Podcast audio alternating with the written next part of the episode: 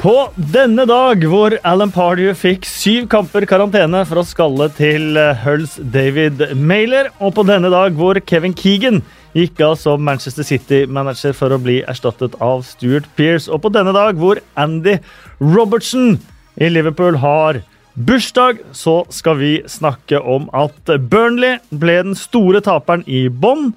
Arsenal ble vinneren blant de nest beste. Ingen vinnere eller tapere hos de beste, mens Newcastle de bare smiler og smiler for tiden. Det gjør derimot ikke Sunderland-gutt Jordan Pickford. Faste spalter kommer. Bill Edgar, kaktuser, blomster, fem kjappe spørsmål i tillegg til en liten Twitter-gjennomgang. Og mens jeg husker det, gå gjerne inn på iTunes og legge inn en uh, kommentar eller noen stjerner uh, under podkasten der. Og så tenkte jeg også helt i starten uh, her at det er jo på tide at vi gjør noe godt i denne podkasten også. Og de som gjør noe godt hver eneste dag, det er Fattighuset på Grønland. De både deler ut mat, de hjelper barn, de hjelper med Eh, regninger for folk som eh, sliter. Eh, massevis av frivillige gjør en fantastisk jobb hver eneste dag. Og så tenker jeg vi er jo ganske mye, mange lyttere her. Så hvis egentlig alle egentlig bare vippser én krone eller mer, så vil det bli et veldig godt bidrag til Fattighuset. Eh, Vipps-nummeret er 12901 12901. Ikke noe krav, men veldig hyggelig hvis man gjør det. Uh, og Apropos iTunes-stjerner, så er det plutselig to stjerner som uh, sitter her òg. Rasmus Wold, så hyggelig å se deg igjen. I like måte.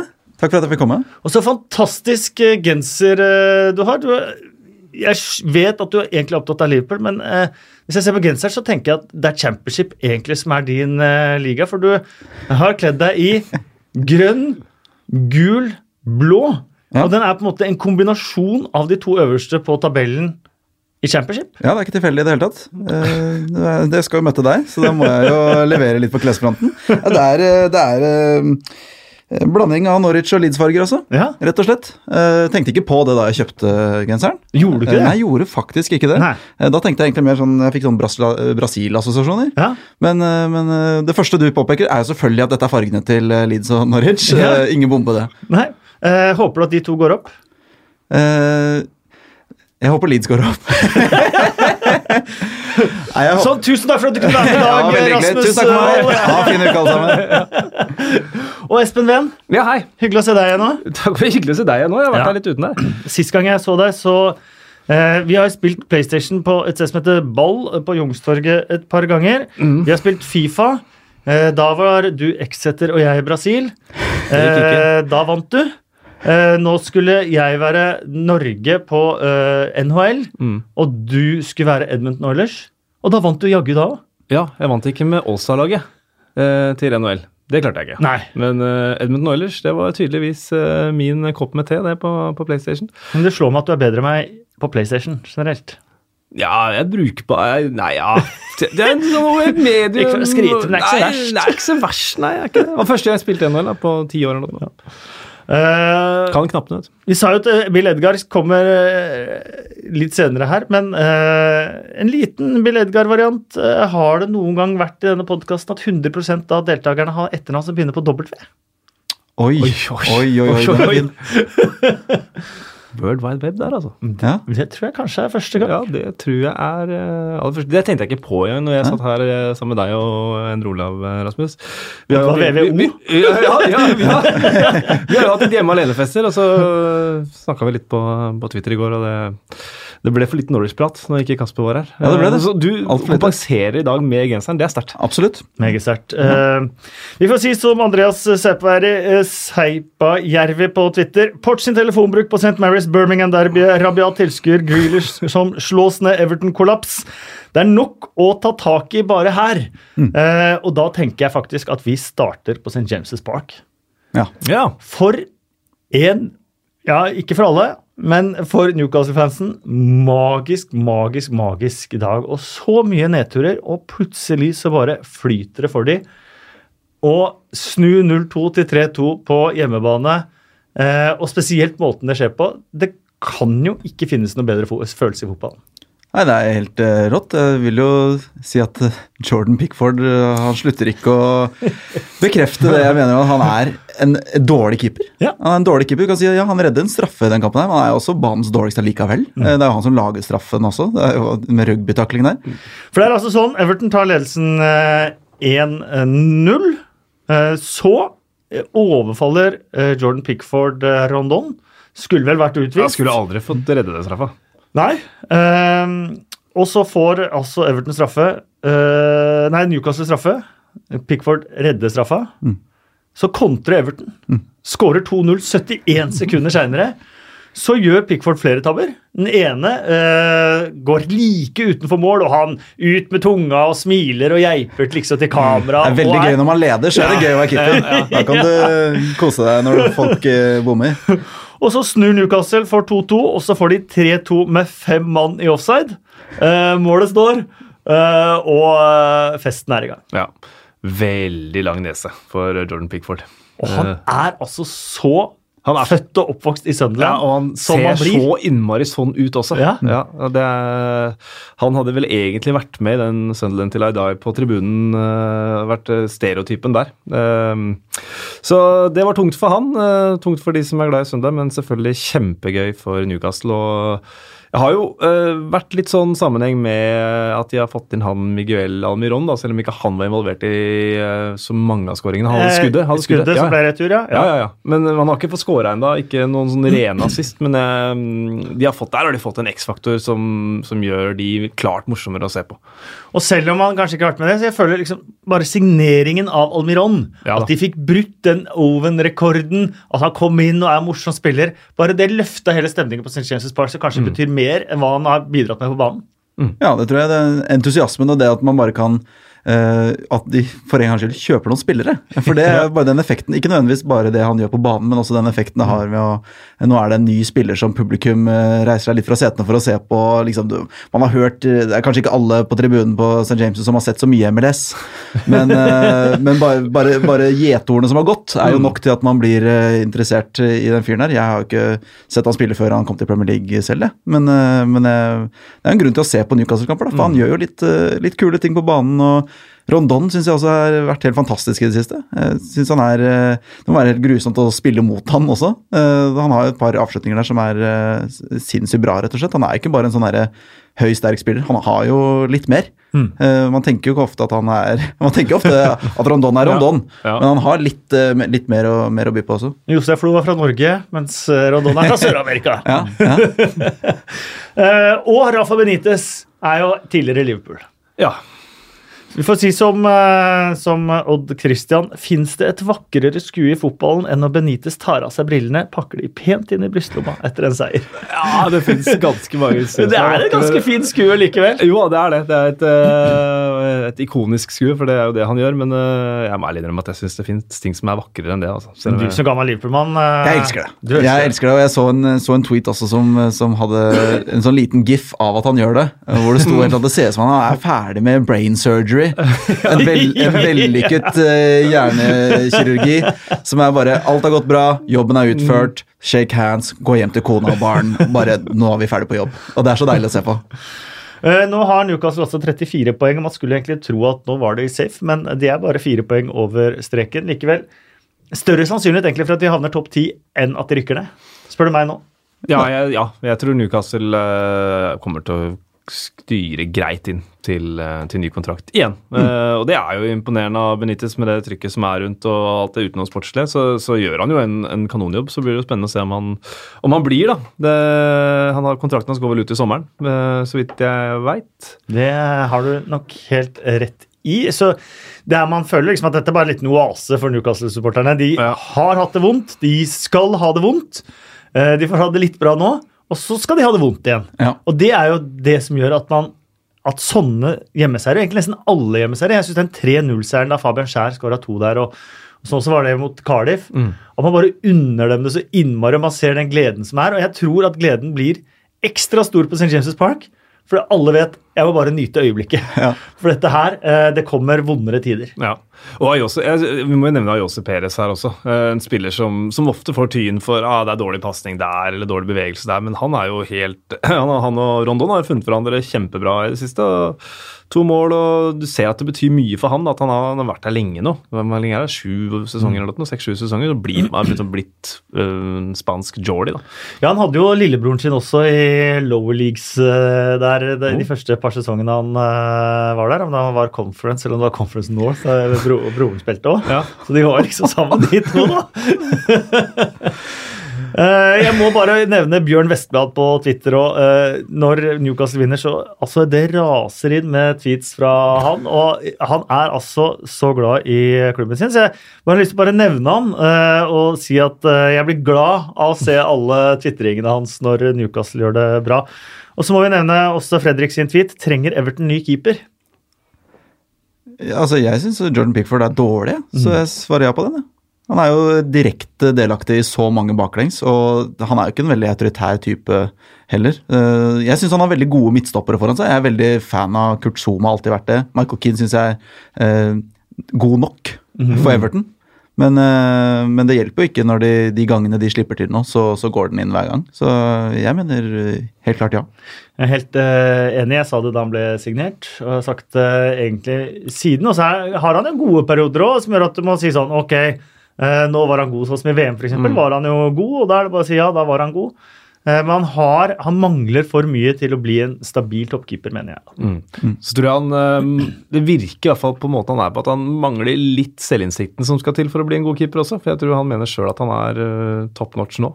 Ja, Det er interessant, faktisk. For jeg tror samtidig også at han er et treningsprodukt. Ja, har fått han dit, da. Men han er liksom La meg kaffisere av noen ting. og ja. Klart han lar seg affisere når han står der og blir gøyer til Newcastle-fansen, og så bare er taper 3-2 der. Det... Jeg tror ikke det hjalp den eh, Origi 90 pluss 6-målet der. Nei, sånn på nei, selvtilliten de neste månedene så har det jo gått rett åt skogen hele veien. og mm. Jeg tror også det, det, kan ha en sammenheng med altså Han leverte øh, OK pluss, slash bra, i VM. Og det har jo kanskje litt også med spillestilen til Southgate kontra Silva. Mm. måten i Hvor offensive de vil at lagene skal spille. da. At Man, man blir jo mer beskytta i, i, England. da. Mm. Definitivt. Marco Silva øh, klikka etter match på dommerne. Det har nesten aldri hjulpet, det. Nei. Det har nesten aldri hjulpet, faktisk. Eh, og du venter vel kamper på han eh, nå også. Porcettino var vi inne på i innledningen. Han satt og brukte opp et par kontantkort ja, da match på St. Mary's. Det må vel Marco Silva gjøre framover òg? Han, han, eh, må nok, eh, må nok det. Altså, ja, jo skjønner, man skjønner, skjønner offsiden. Skjønner offsiden. Ja, og uh, Miste seieren på et sånt mål er, ja. det fins jo nesten ikke noe verre. Fem mann er det som er i offside. og den ballen er jo i lufta i tre kvarter før den lander også, så det er jo ikke det skal ikke være umulig å spotte den. Uh, og så var det en situasjon der som jeg bare trekker litt tilbake. For det var uh, noen uker siden så fikk jeg tror det var Bournemouth som fikk en straffe mot seg mot Wolverhampton fordi Adam Smith kommer inn og takler etter en avslutning. Uh, og Så sier Eddie Howe etterpå at ja, ja, det er en forseelse, men i straffefeltet så skjer det, skjer det, aldri. Og det skjer jo den kampen her mm. også, om det er på stillinga 1-0 Ja, det stemmer. Det er også snytt for straffe. Hvor Jedlin ja, er inne og, og, mm. feier til en, uh, en Everton-spiller der etter at innlegget har gått. Mm. Så jeg tror ikke Silva var så opptatt av det, det var vel mest den offsiden. Ja.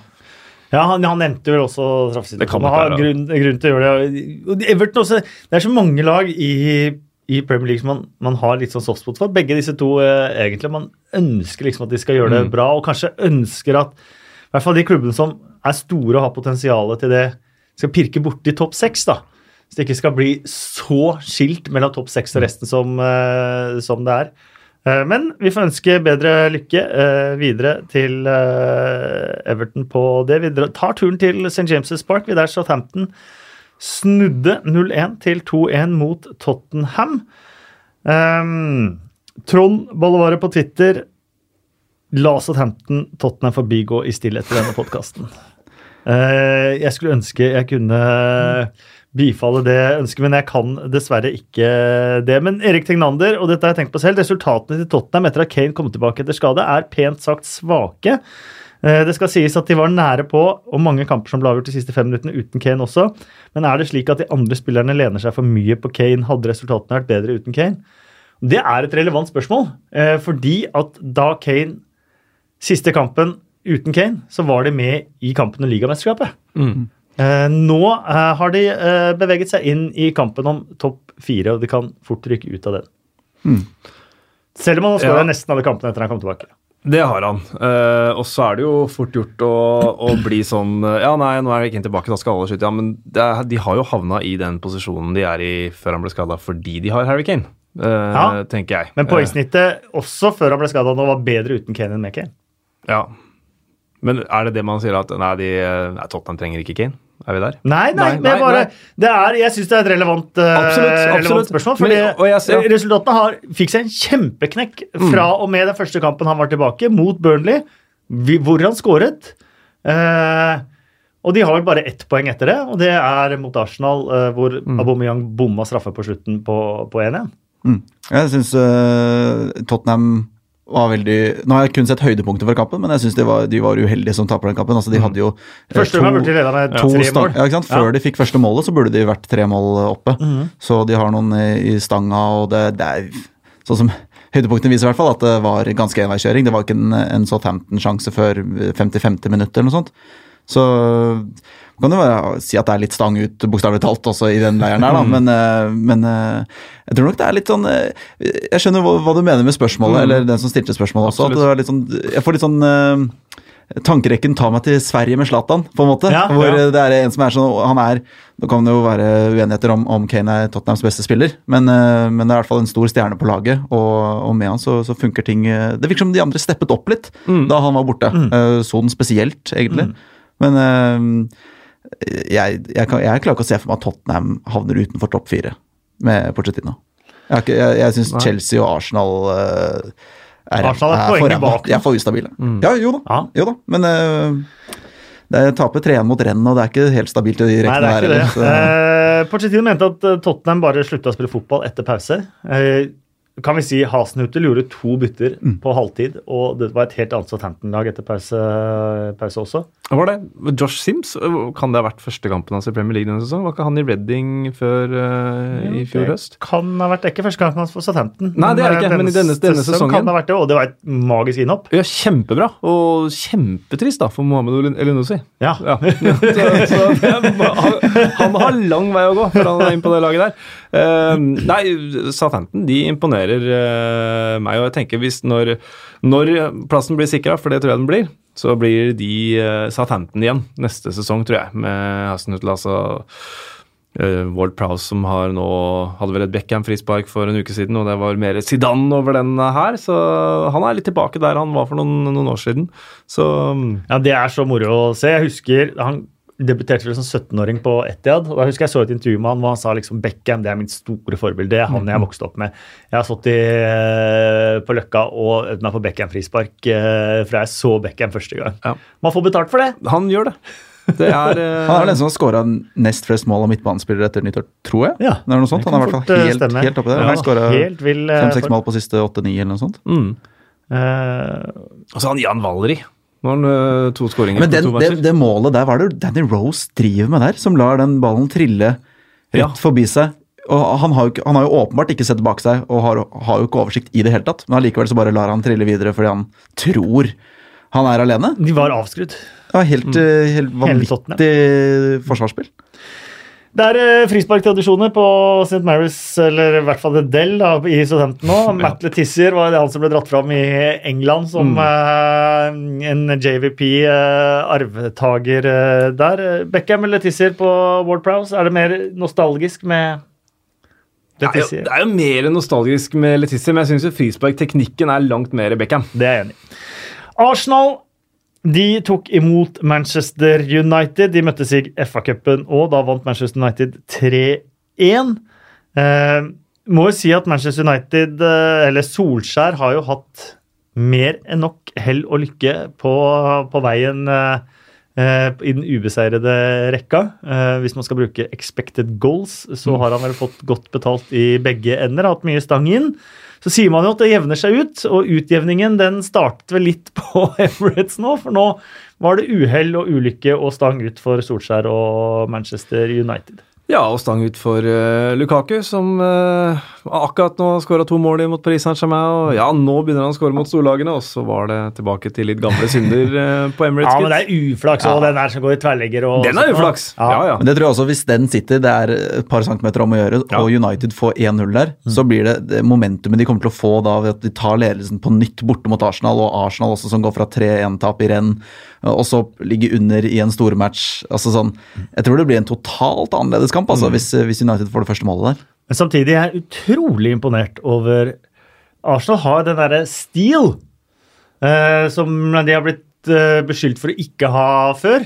Det viser mm. jo den kampen der, da, mm. hvor de står imot på en ekstremt imponerende måte.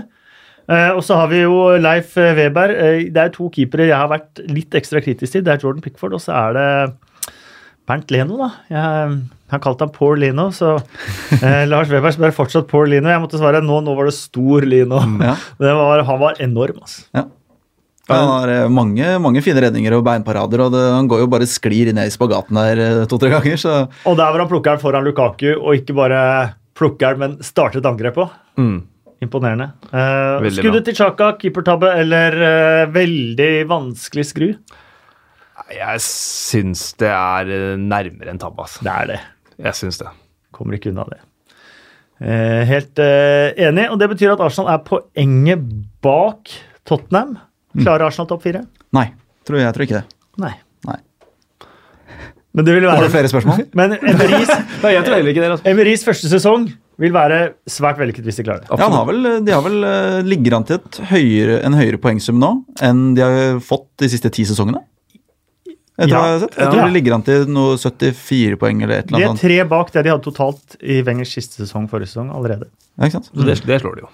Ja. Det må man eh, tenke ja. at de og, eh, slår. Og Bernt Leno tror jeg også blir en veldig veldig bra keeper i Arsenal. Uh, jeg tror faktisk det nå, jeg også. Jeg hadde ikke trodd det. Det er den der tilpasningsperioden som mange ja. keepere har. Altså, det er bare noen veldig veldig få som klarer å gå inn og, og levere fra dag én. Oh, ja, jeg var ikke kritisk på han i starten i Arsenal. Jeg er kritisk på mer ved det jeg har sett før han kom til, okay. Okay. kom til Arsenal. Han har aldri overbevist meg på noen som helst uh, måte. Litt uh, jeg, Hvor mye Leverkosen har du sett? Jeg har sett litt, og så har, han, eh, har jeg både kommentert han i U-mesterskap for Tyskland og ja. i uh, var det Confederations Cup for Tyskland. Så jeg har faktisk sett han en, uh, en god del.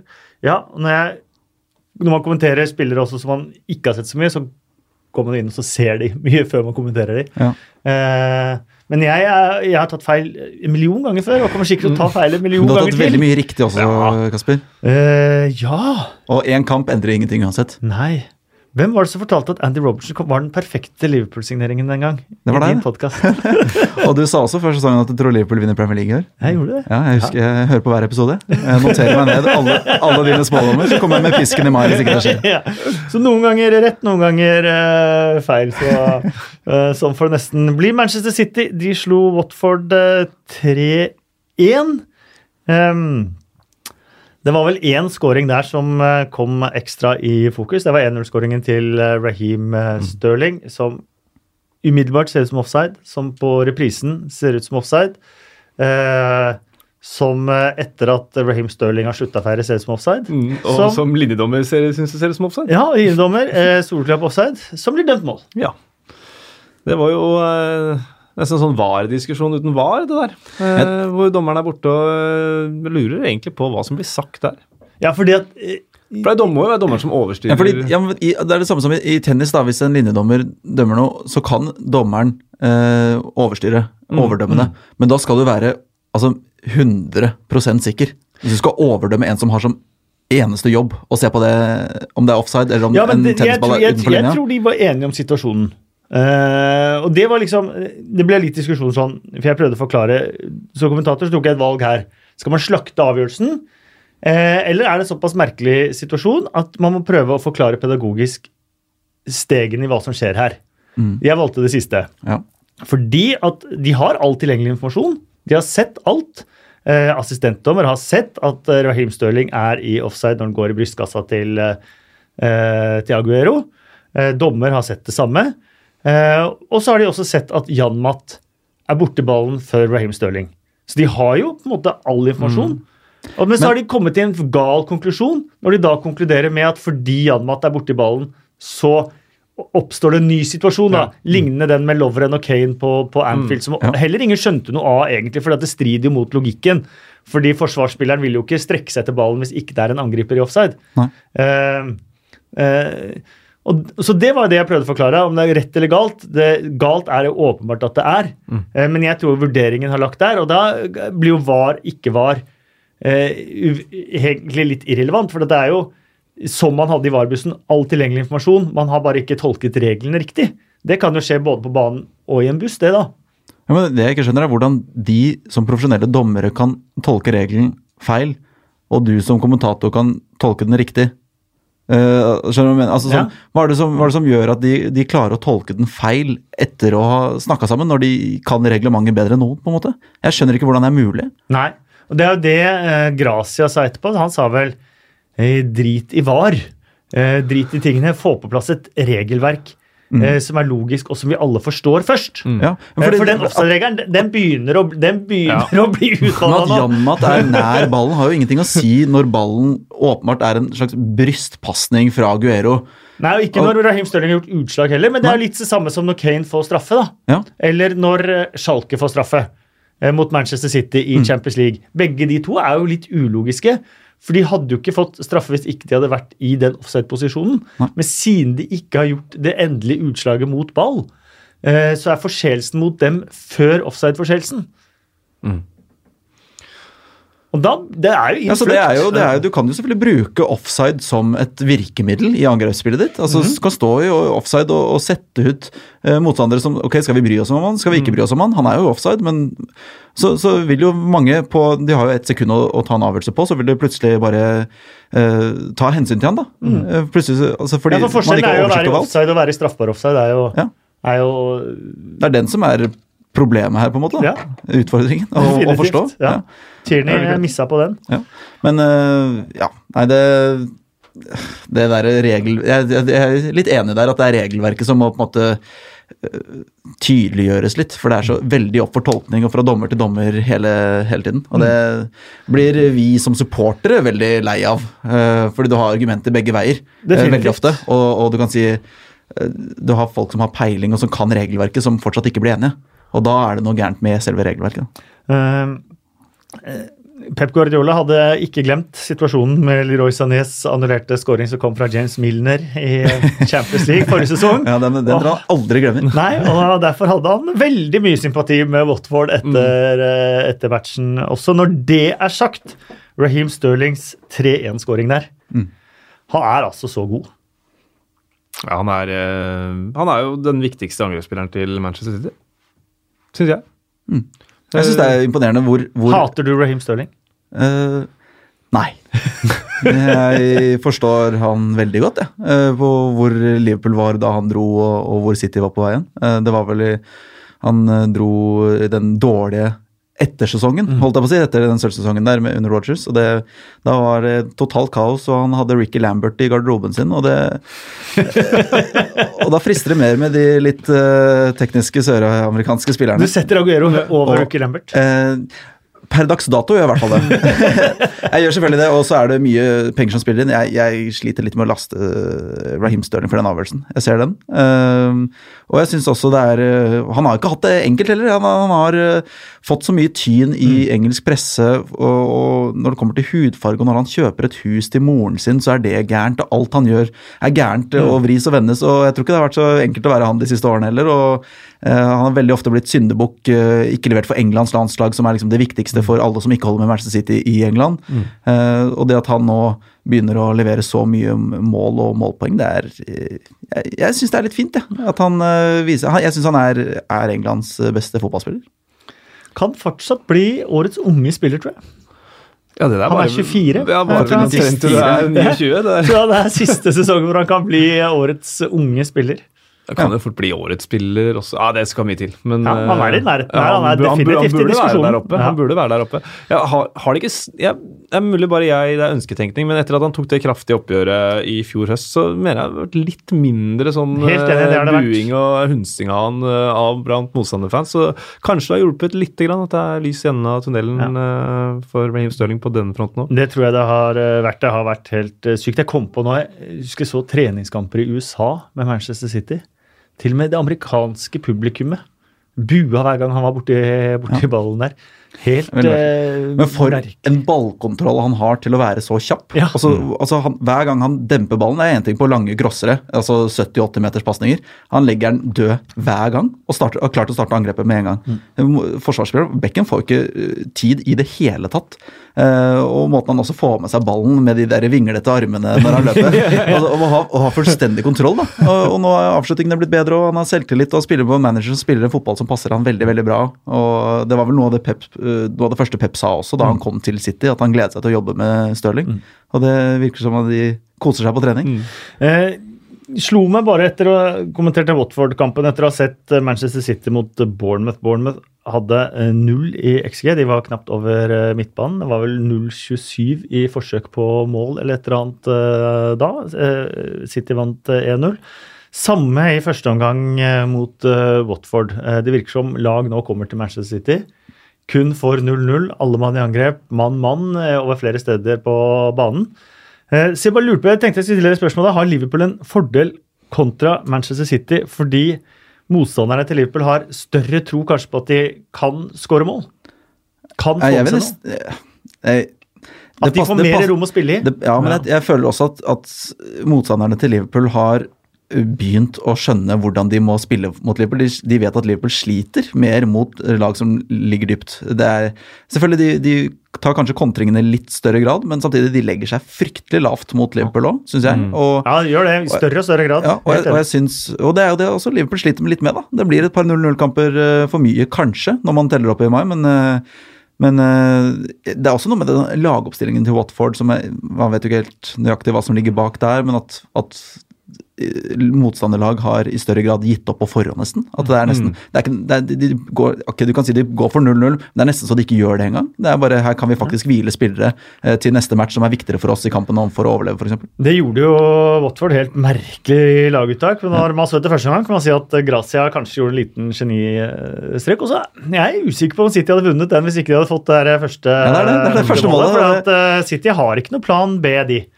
Eh, de skal spille sånn som de spiller, og det er jo ofte det som gjør at de ikke klarer å snu det noen ganger de, hvis de blir liggende under og, og, og sånt noe. Men jeg tenker Laguttaket til, til Grazia, det, det, jeg var overraska over det. fordi uh, Samtidig kanskje litt ikke. De har vel FA-cup nå til helga. Det det er en uke til, men eh, de har kvartfinale i FA-cupen. og han har jo tidligere bytta alle mann, og det har gått bra. Så, og de ja. skryter jo veldig fælt i den klubben her at de har den beste stallen de noensinne har hatt. Eh, og så setter han jo på Dini og Delufeu, da. Eh, og apropos sånn vakre syn i fotballen, jeg syns nesten når Troy Dini vinner en hodeduell på den måten han gjør, er nesten like vakkert som at, eh, som at Benitez pusser brillene. Altså, fordi Troy Dini det er en mann jeg bare blir mer og mer glad i. Tidligere tullball eller ikke. Fantastisk å være Watford-supporter for tiden, tror jeg også. Det er vel 83-84 var sist gang de var i Europa under Graham Taylor. Da hadde de spillere som John Barnes og Luther Blissett. Eh, legender. Eh, nå er de faktisk i en FA Cup-kvartfinale, og de kjemper om syvendeplassen også, som gir eh, Europa. Og Gracias 50. kamp som Watford-manager. Det jeg trodde aldri jeg skulle oppleve det så lenge jeg levde. at en eh, Watford-manager fikk 50, 50, kamper. Så det er jo en stor prestasjon i den klubben der. Ja, ja han har jo satt uh, ja, Jeg vet at ikke du er glad i det, Kasper, men uh, hvis vi til en nyere historie, da, så er det jo et poeng at han har den, er den manageren med flest Premier League-kamper for uh, Watford. For både Masari og Sanchez Flores fikk vel bare den ene sesongen. Så um, ingen Ja, Billy McNeil han fikk to kamper. Hva er det Billy McKinley? Billy McKinley, ja. Mm. Han fikk to kamper. Eh, som permanent manager, mm, ja. ikke som midlertidig manager. Og så var det han spanske som hadde Brighton. Han fikk jo noen måneder. Jukanovic fikk jo ikke fortsette etter at han rykka de opp. Eh, da ga jo han seg den, eh, den, sommeren der. Fikk jo ikke den kontrakten han eh, selv ønsket. Det har vært eh, stor gjennomtrekk. Liverpool, har du gleda deg til å prate om Liverpool, Rasmus? Ja. ja du hadde jo podkasten You'll Never Talk Alone. Ja. ja. Den lever fortsatt. Den lever fortsatt. Ja.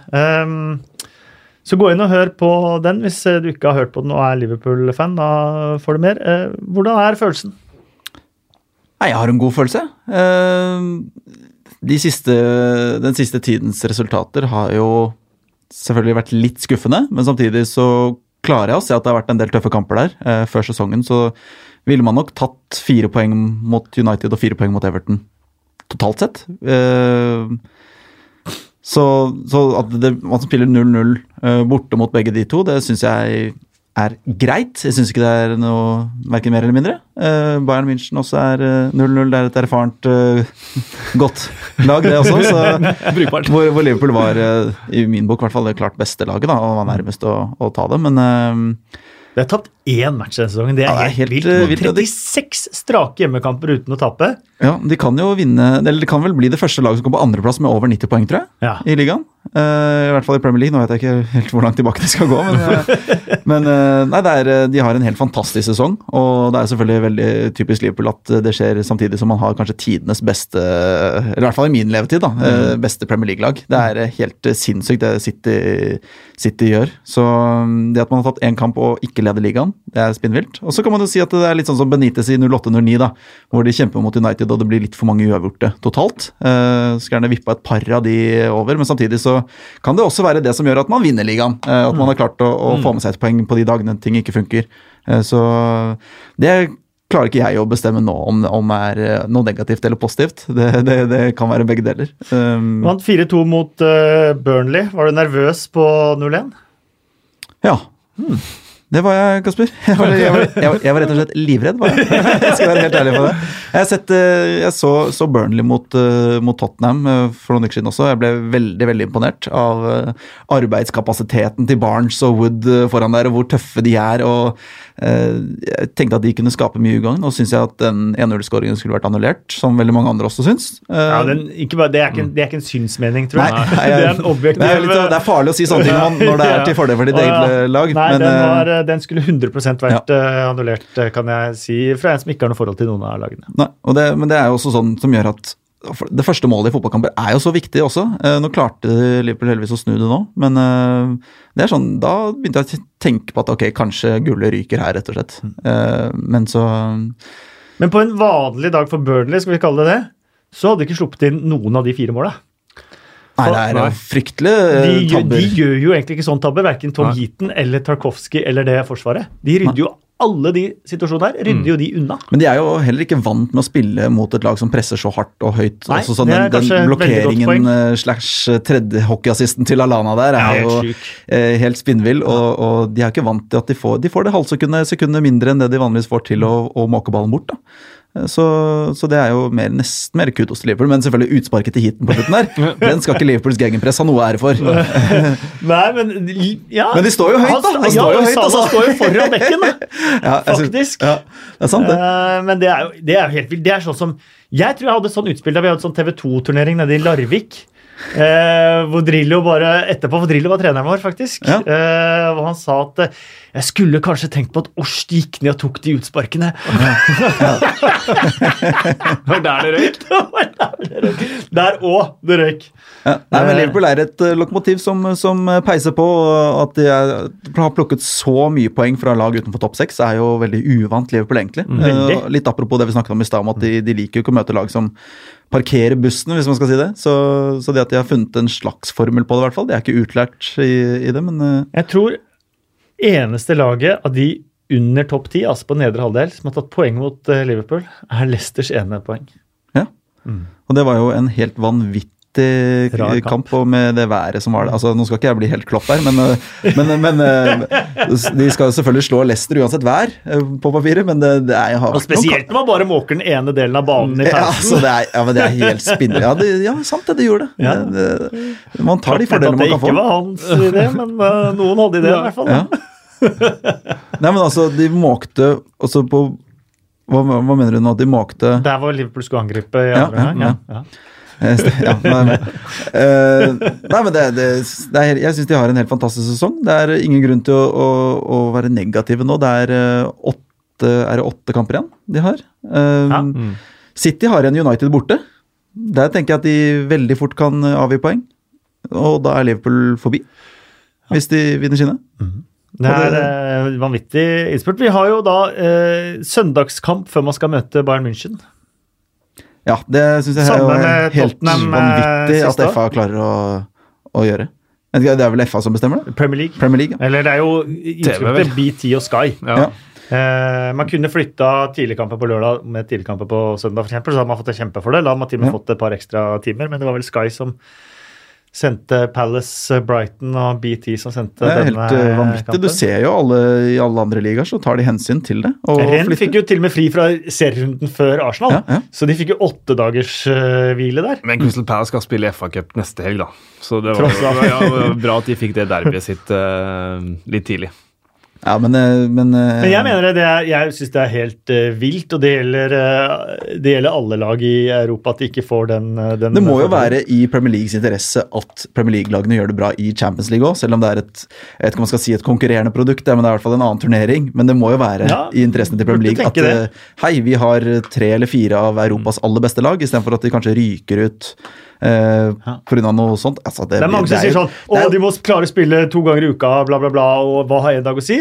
Eh, men de som har vært inne i gamet og spilt i Premier League og andre steder, sier at én mm. dag eh, rekreasjon har mye å si. Mm. Ja, og du ser jo Serie A også det samme med sine lag. De får spille på torsdag, fredag i uka før de skal spille, mm. spille Champions League eller Europaliga. Selv Europaliga så var jo mm. Roma og Lazio her for noen uker siden spilte på henholdsvis torsdag og fredag fordi de skulle spille Europaliga mm. helga etterpå. Så det er store forskjeller eh, på det der, altså. Jeg skal til München, jeg. Du skal til München? Jeg skal til München, jeg. Jeg drar i morgen. Jeg gleder meg som et egg. Når går flyet ditt? 10-10, tror jeg. 10-10, ja. Skal du kommentere? Nei. Nei? Eh, da får, du, da får, du, liksom hele dagen i Ja, jeg får hele, hele, tirsdag til å være litt turist, og, og hele onsdag til å gjøre, skal jeg si, gjøre meg klar for kamp. hvis det er lov å si. Jeg har vært på noen bortekamper i, i Europa de, de siste åra. Vært i Sevilla og i Beograd, annet. Uh, og jeg må jo si at uh, selv om det er gøy, veldig veldig gøy å dra på bortekamper i Europa, for det er jo ofte de aller hardeste supporterne som gjør det. Uh, så ble jeg I Sevilla så ble jeg litt flau. Eh, for da, da var det fullstendig kaos i byen, og Liverpool-sportere som ikke tok hensyn i det hele tatt til lokalbefolkning og barn og barnefamilier. Engelske imperialismen ja, den kommer var, veldig til syne med engelske lag i Europa og engelske sydenturister. Mm. Da ser man at de har vært eh, eh, imperialister i Veldig mange hundre år. Men så, men så, så, så, så står jeg på Ramón Sánchez Pijuan, eh, og, og, og, der er det ganske bratt. Eh, bratte tribuner. Eh, og, og, du ser at folk sitter og sover og er helt konstant dritings og bare helt ute. Uh, så da ble jeg litt sånn Hva er det dere vil med den turen her? Hvorfor bruker dere så mye penger? Er det for å drikke øl i Sevilla sentrum, eller er det for å se på favorittlaget spille kamp? Jeg skjønner ikke. Det er nok like Også, mye det første. Ja, jeg tror det. Og, og, og det er greit, det. Altså, jeg skal ikke ja, altså, skal ikke dømme noen? Ja, nei, jeg skal ikke dømme noen. Også, hvis, det, hvis, det, gir deg mer glede enn å nødvendigvis være fullstendig fokusert i 90 minutter, så, så er det greit, det. Men, men, det morsomste var på den stadion, så er det en dame altså på 60 pluss som står rett bak meg, eh, som Liverpool går opp i 3-0 der, for de leder jo 3-0 til pause bort mot Sevilla før det blir 3-3 på overtid, men uh, så, som jubler sånn. Så hun faller fremover, og det er som sagt ganske bratt, så hun faller nedover tribunen. Og dunk, dunk, dunk, dunk nedover. Og så stopper hun i et sånn ett sekund, et av setene, så roper hun 'I'm all right!' Og så fortsetter hun å rulle. Fullstendig kaos. Alle jubler. Så tåler, man tåler jo ofte litt mer når man er litt påvirka. Altså, man strammer ikke. Ja, nei, det er akkurat det. det, er akkurat det. Men det er, det er, en grunn til at ikke britiske mennesker er superpopulære hvor enn de drar i Europa. Men jeg kan uh, fortelle deg noe som ditt lag aldri har opplevd. Ja. Og ingen andre engelske lag har opplevd, bortsett fra ett, som mitt lag har opplevd. og det er det er, finnes er faktisk kun ett engelsk lag som har vunnet borte mot Bayern München og avansert i Europacupen. Oi! Jøss. Yes. Så er det to på, to på onsdag, da. Ja, det får bli det andre, da. For ja. Norwich er faktisk det eneste laget som har vunnet borte mot Bayern München og avansert i Europacupen. Eh, de var lenge det eneste laget som hadde vunnet borte mot Bayern München, men så gjorde jo Arsenal det. Mm. Eh, men de avanserte ikke. Nei, så vi måtte gjøre om litt på den rekorden. Mm. Men uh, fortsatt det eneste laget som har vunnet borte mot Bayern München og avansert. Jeg har trua på Liverpool, jeg. jeg tror, eh, om, om, de vinner kampen Og dere kommer til å huske det i ja, ja. titalls år! Og kommer til å lage anekdoter og prate om de podkaster om 40 år! men om de vinner kampen eller ikke, det er jeg ikke så sikker på. Men eh, at de får et 1-1-resultat, f.eks., ja. det, det har jeg stor tro på. Da slår dere jo ikke den. Nei. Nei. Nei. Nei. Norwich vant 2-1 borte, spilte 1 hjemme. Hvem skåra? Det var Jerry Goss og Mark Bowen. Oh, ja. det, ligger, det, ligger, så latent, det. Hæ? det ligger så du, dette er fremme. magisk. Og på 25-årsjubileet til denne kampen så var det jo stor ståhei.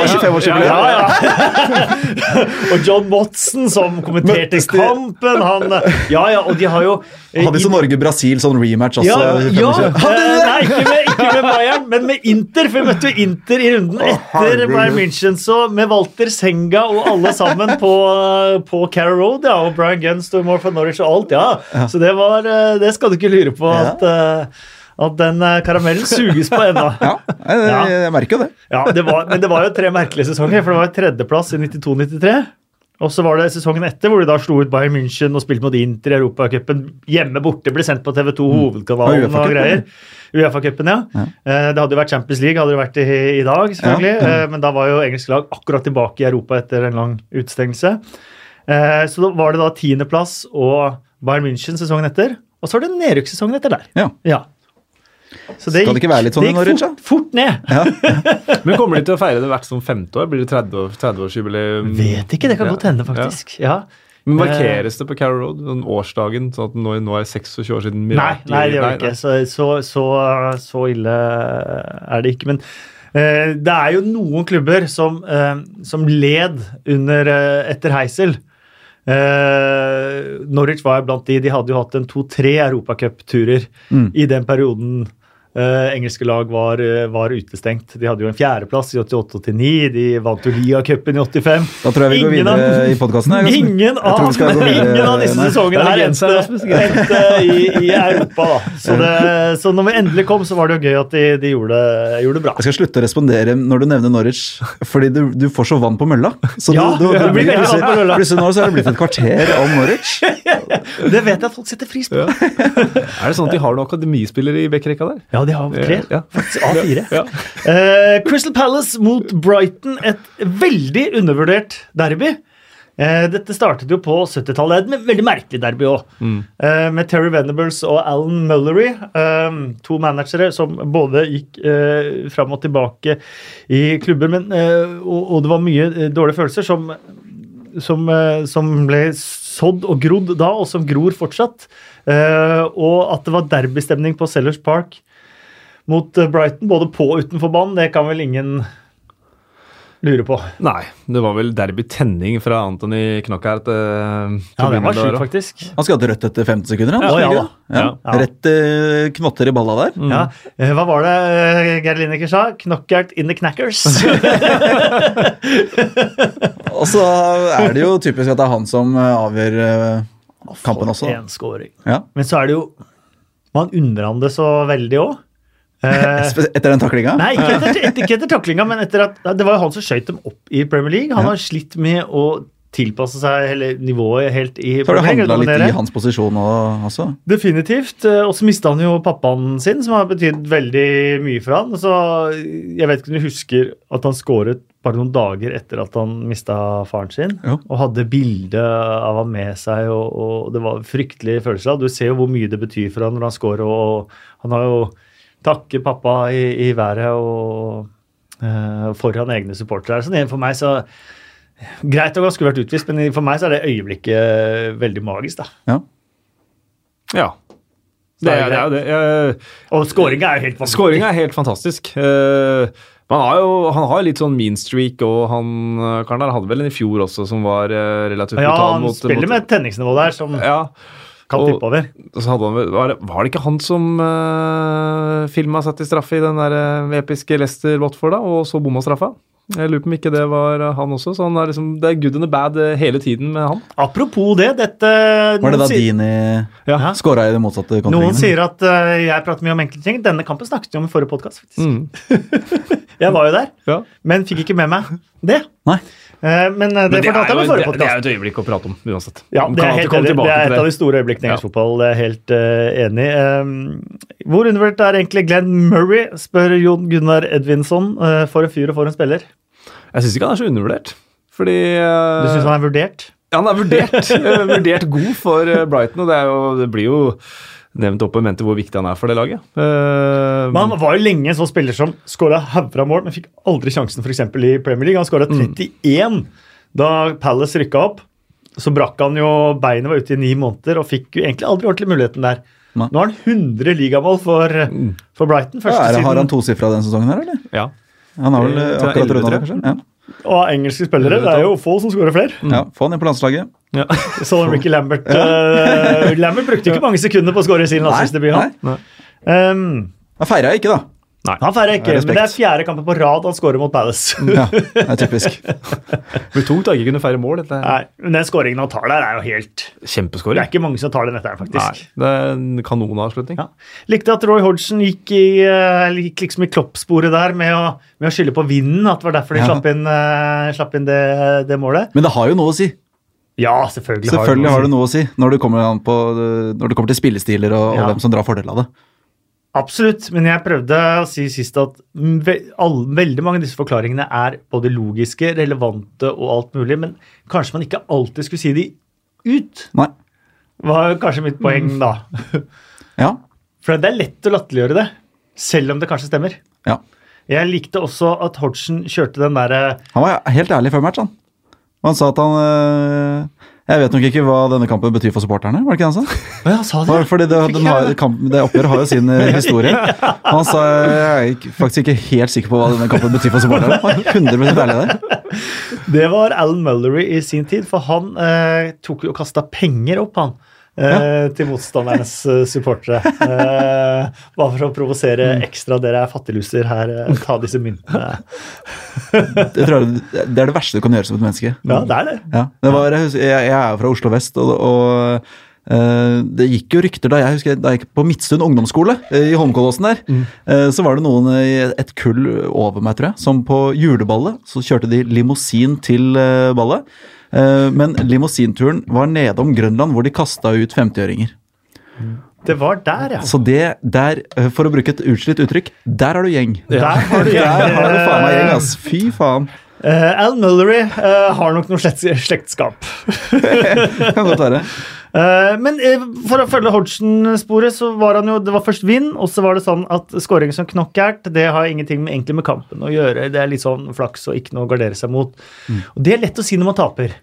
Men jeg vet, jeg tror kanskje han tenkte selv på sin egen seier på Etiad og Townsend sin scoring som en taktisk triumf. det er godt poeng. Ja. ja, det er, men det er jo et, en, Jeg tvitra jo Arjen Knockart etter den, for det var jo helt uh, ja. Robben-preg over den scoringa hvor han kommer inn fra høyre og skjærer og dunker den i krysset. Ja. Eller helt, uh, Andros Knockart. Ja, mm. eller eventuelt. Apropos Townsend, uh, for en rutine han viser når han får den straffen der. Veldig rutinert. Eh, er, jeg sier ikke at det ikke er straffe, ja. men også, han vet hva han gjør. Mm. Ja. Absolutt. Eh, Cardiff eh, slo Westham 2-0. Det betyr at både Cardiff, Southampton eh, og Hvem er det tredje laget der nede? Newcastle. Newcastle, eh, De vant. Eh, Burnley tapte. Eh, det betyr at Burnley er rett i faresonen mm. igjen. Og Brighton vant òg, de er jo også litt nede i Og Brighton vant. Alle vant der nede. Ja, eh, Bortsett fra de, ja. de kommer seg ikke vekk, da. Crystal Palace. Nei, Brighton, men Brighton og Palace nå, nå for de er én seier hver ja. fra. Ja, og de åtte siste. Ja. Uh, men Westham null mål borte på fire strake bortekamper. Jeg føler det er sånn uh, hva skal man si, ny variant av sånn Watford har vært. det, Hvor du bare du skjønner ikke hva du får. fordi Jeg syns de var fantastisk gode mot Liverpool. Eh, ja. og så får du, taper du 2-0 mot Cardiff, som jeg syns er et møkkalag. Jeg synes det er et skikkelig møkkalag som jeg håper fyker rett ned. hvis jeg skal være helt ærlig.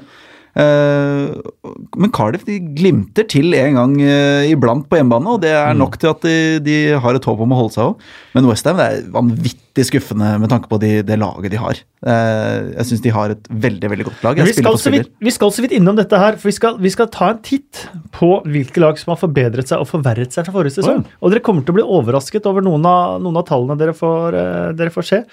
Uh, Huddersfield tapte 0-2 mot Bournemouth. Der var Callum Wilson tilbake. Ryan Fraser har altså hatt null målgivende og null skåringer mens Callum Wilson har vært borte. Mm. Uh, Callum Wilson med. Uh, har han én av hver. Ja. Um, og det var Callum Wilson og Fraser. Men uh, andre målet er jo igjen en andre assist på Joshua King her. Fantastisk gjort. Ja, og jeg har fått en del kritikk for å si at hvis det hadde vært hockey uh, Hvis man telte målpoeng på hockeyvis og hadde andre assist også, så hadde Josh King nesten sprengt skalaen. Mm. For han er så viktig mm. i så mange av måla til Bournemouth uten at det nødvendigvis syns i målpoeng kategorien, så jeg har lyst til å gi Joshua King også masse mm. kred for, for det, fordi han gjør eh, før 2-0-skåringen er suverent. Mm. Og det er veldig typisk Joshua King gjort. Mm. Eh, Leicester slo eh, Fulham 3-1. Brennan Rogers eh, på tavla følger statistikken med at han alltid vinner sin første hjemmekamp i ny klubb. Jamie Vardy med 100 ligamål for Leicester. Første siden Gary Lineker som, eh, som gjør det. Og det som ser ut med litt sånn mer high pressing-stil og sånn med Brendan Rogers Eh, er at den Madison Vardy-linken kan bli enorm. Ja, og Tilemans Vardy-linken. Tilemanns eh, Vardy-Madison-linken? Ja, det ja. ser uh, veldig bra ut uh, med, med Tilemanns. Så da har de fått en enda litt dypere bane også som kan, som kan bidra, fram, i tillegg til de tre der framme. Men det ble en kortvarig affære, tror jeg. Tilemanns? Ja. Jeg tror de må ut med mye penger om de skal hente ham.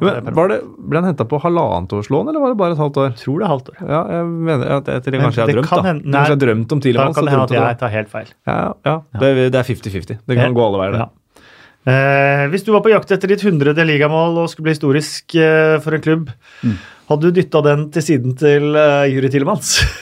det hadde jeg ikke gjort, og det er veldig Veldig utypisk Vardy å gjøre, gjøre også. Mm. Så det sier jo litt om at uh, det er litt, uh, kanskje litt god stemning der, da. Altså, mm. er, uh, han skårer vel sitt 101. mål også det gjorde han. i kampen. Ja da, det kom det.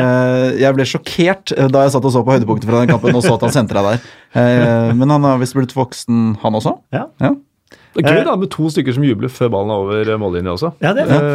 Ja. Og... Salah gjorde jo ikke det som var det gjør der. Han går jo for skudd sjæl ti av ti om dagen. Mm, ja. desperat etter mål. Flere ganger han kan eh, sentre og, og få assist, men. Sånn var det litt på slutten av forrige sesong òg, da han liksom ja, rekorder men da skal, sånn, han, da skal han ta rekorder. og da er det kanskje litt forståelig, men nå er det liksom Det er ikke noen rekorder å ta for Nei, men du skjønner at en spiss vil tilbake på Han er ikke spiss, da. Hæ? Er, er en angrepsspiller som scorer mye mål. Du skjønner ja. at han vil tilbake på ja. streaken. Selvfølgelig. Må ta Salah litt i forsvar der, altså. Men det er uh, Det han gjør før utligningen der. Han er fantastisk kamp, ja. og, og samme i forrige Altså, han var jo god mot Everton òg, uh, ja. bortsett fra uh, at, at, han, ikke setter den i nota. Ja. Chelsea avga poeng mot Wolverhampton, men ellers så vant de et poeng helt på slutten. Det kan man se hvordan man vil, men Wolverhampton fortsetter altså mot storlagene. Den kampen så jeg faktisk. Ja. ja. Fantastisk match av Wolverhampton, syns jeg. Defensivt var de vanvittig solide. Chelsea kom jo ikke til en eneste avslutning, omtrent. Uh, og måten Jiminez jobber på topp der det, Jeg er nesten mer imponert av han defensivt enn offensivt. Han er fantastisk god, rett og slett. Jeg vet ikke om de klarer å holde på han så mye lenger. De klarer å holde på hvem de vil, egentlig. de må bare Jorge Mendes ja. bestemmer. Det kan godt være. Det var vel en periode der i sommer hvor alle portugisiske stjerner så at det ringte på telefonen, at mm, de prøvde å late som de ikke så anropet, for de var redd for å havne opp i, i black country der. Ja. Men jeg tror de har en opsjon på han på ganske masse penger. Okay. Eh, som de kan benytte seg av, og som de nok nå kommer til å benytte seg av. Uh, men Wolverhampton, hvis de ikke hadde tapt hjemme borte mot Huddersfield, hvis de ikke hadde tatt på Brighton og Cardiff og tatt poeng mot alle de der båndlaga, så hadde de vært oppe i topp seks. Ja. ja. men det, er jo, det, det, kan du jo si om altså Hadde, ikke, hadde laget tatt flere poeng, så hadde de ligget høyere på tabellen. Nei, men det, her er det en klar trend. Her er, de taper mot de dårligste, eller taper ja. poeng mot de dårligste, ja. men viser at de kan slå alle de beste. Ja. Det er veldig mange lag som taper mot masse poeng, men som ikke viser at de kan stabilt slå de beste lagene kamp etter kamp. Ja, så Toppnivået deres er jo kjempebra. Uh, de slo vel Tottenham borte og ja. mm. uh, uavgjort mot City ja, ja. og slo ut Liverpool og FA-cupen. Mm. Ja, de er utrolig imponerende. Men det som jeg syns er, er, så gøy med Wolverhampton, er at du kan jo si at det var en veldig tydelig forsvarskamp for dem. Mm. Men samtidig, de gangene de får ballen, så har de lyst til å spille seg ut og holde mm, ballen i laget. Mm. Det er ikke bare å måke den uh, opp uh, Burnley-style. Uh, de, de, prøver å få til noe. De har tekniske spillere og gode nok spillere til å gjøre det også. Mm. Og de, de, prøver, selv om Chelsea står høyt, og så vil de spille ut bakfra også. Og det er litt sånn kult å se, da. At de er en underdog på bortebane som allikevel er tro til stilen sin. Da skal vi ta en titt på denne tabellen etter 30 kamper sammenlignet med forrige sesong. Hvilket lag tror dere prosentmessig har forbedret seg mest fra forrige sesong til denne sesongen? I antall poeng? I antall poeng. Watford det er som blinker ut for meg. Mm. Et godt tips. Jeg tipper Liverpool. Det er også et godt tips. Men ingen er riktig, i og med at det er gode tips? Nei. Nei da... Eh, det er faktisk Westham. Ja. Mm. Det er vel en grunn til at de har bytta manager uh, ja. uh, også. Nå er det riktignok bare ni poeng flere uh, enn det de hadde forrige sesong, men det er en 30 forbedring. Mm. Liverpool har 21,7% flere poeng. Arsenal har 25% flere poeng. Watford har 20% flere poeng. Dette er altså en Eh, oversikt gjort av Sporting Intel, som var Elias Larsen på Twitter som, eh, som eh, sendte oss. Men antall poeng, da? Er det mulig å Ja, der traff du. For det var det Liverpool har på, ja. 13 poeng mer enn det de hadde forrige sesong, så det er en poengmessig beste forbedringen, med Arsenal på andreplass, som har 12 poeng mer enn de hadde på samme stadie forrige sesong. Manchester City har 7 poeng færre. Ja. Det er 20 poeng, det. Mm. Ja. ja, det er det. Så det var henta inn. Ja, det er jo helt, helt rått. Ja. Jeg må jo være enig med, med, med Svea der, eh, som alltid er veldig tydelig på det at man starter jo ikke 21 poeng bak. Man starter jo likt hvert år, men det er jo det med å hente forskjellen, da, på en måte. Mm, altså mm. likevel. Eh, men de starter jo selvfølgelig likt før sesongen. Eh, det laget som har forverret seg mest, da, det er lett. Huddersfield? Det er helt mm. korrekt. De har også minus 54,8 Burnley må også være ganske høyt oppe der. Burnley er veldig høyt oppe, de har minus 30 eh, Så Huddersfield har altså 17 poeng færre enn de hadde på samme stadie forrige sesong, og Burnley har 30, nei, 13 poeng færre. Eh, Manchester United har 7 poeng færre enn det de hadde på samme stadie forrige sesong. Mm. Minus 10 eh, Men den så nok verre ut mm. rett før jul. ja, det kan man si. det er interessante tall. Veldig.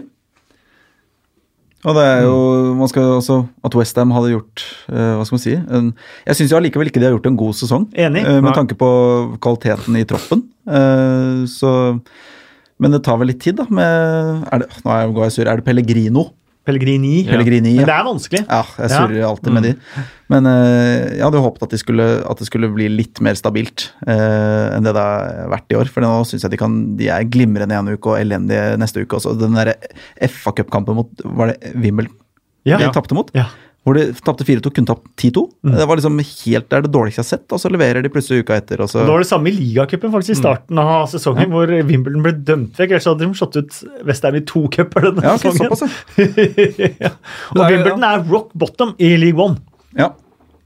Desidert sist. ja, det, det, det, sier veldig mye om Men det er Pellegrini ikke sant? Mm. Ja, han er jo en ganske offensiv eh, manager, da. Men det er jo litt typene de har òg. Jeg var faktisk og så Shoesbury Westham forrige sesong.